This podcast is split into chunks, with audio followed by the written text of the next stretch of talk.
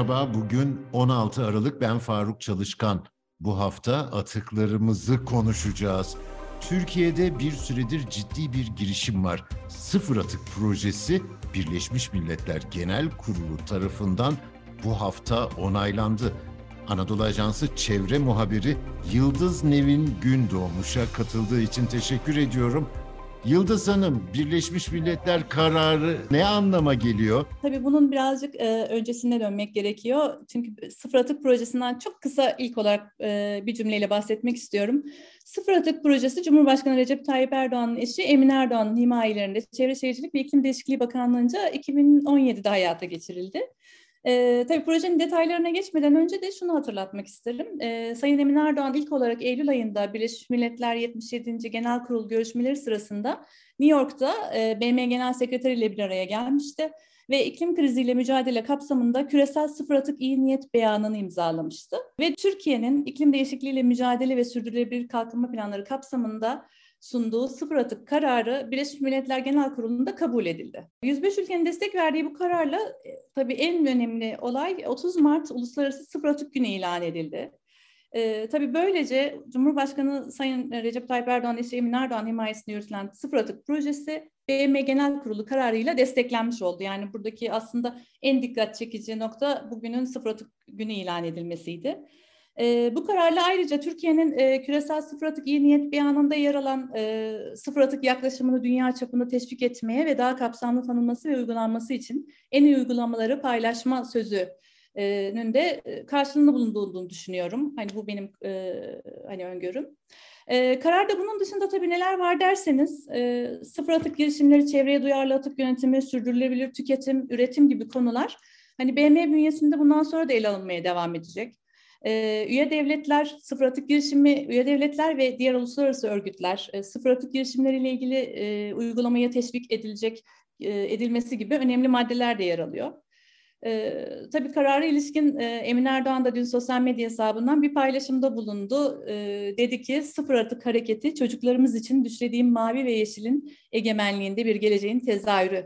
2017'den günümüze kartopu misali gönülden gönüle büyüyerek seferberliğe dönüştü.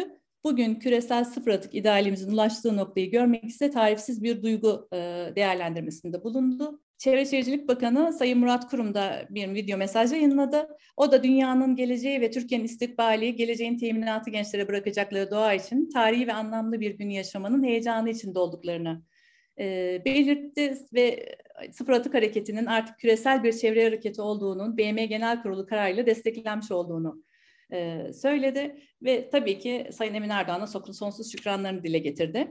Yani bu karar gerçekten e, atıklar için, e, tüm dünyadaki iklim değişikliği için çok önemli olduğunu düşünüyorum. Projeden biraz bahsedelim mi? Ayrıntıları nedir bu girişimin? Bu projenin e, ilk olarak tanıtımı 26 Eylül 2017'de e, Sayın Emin Erdoğan himayelerinde başlatıldı, tanıtımı yapıldı.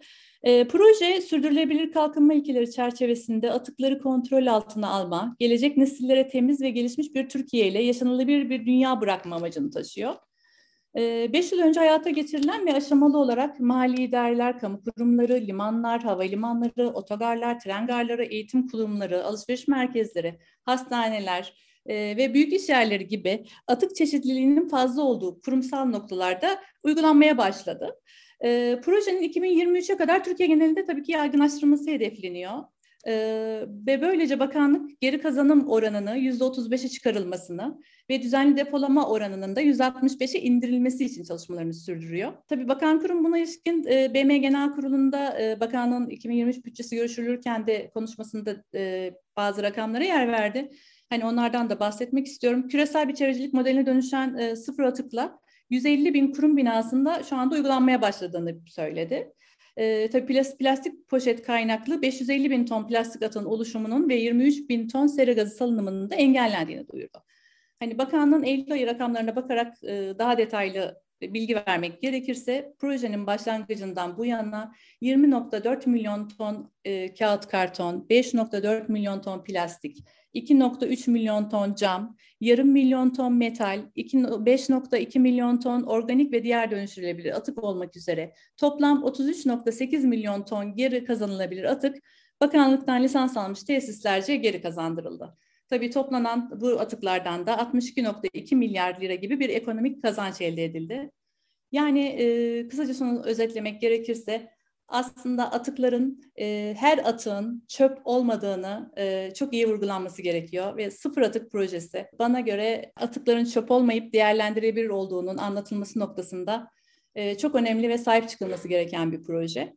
Şimdi Yıldız Hanım bu meselenin esası aslında hane halklarının da çöplerini, atıklarını çevrime gönderecek şekilde ayrıştırılmasın e, noktasında odaklanacak galiba. Tabii ki kurumlarda bunun gerçekleşmesi önemli ama bunun daha da hız kazanması bekleniyor mu? Tabii ki yerel yönetimler de burada e, önemli bir paya sahip. E, özellikle tabii herkes hani ilk olarak tabii e, sıfır atık aslında mutfakta başlayan bir şey. Yani ilk her evin mutfağında başlayan bir olay. Çünkü e, en çok yani ev kadınları ve evde yediğimiz içtiğimizi aslında atık üretiyoruz. bu, tabii başlıca en çok üretilen atıkların başında plastik atıklar geliyor ve bu plastik atıklar daha sonra toprağa karışarak besin zincirine kadar ulaşıp tekrar hayatımıza engel oluyor. Yani mikroplastikler olarak bizi çok etkiliyor. O yüzden mutfaktan ayrıştırarak işte cam, plastik, metal, elektronik atıkları ayrı bir şekilde muhafaza ederek tabii ki yani çöpe atmalıyız. Tabii burada da e, bunları toplayacak olan yerel yönetimler, yerel yönetimlere büyük bir, büyük bir görev düşüyor.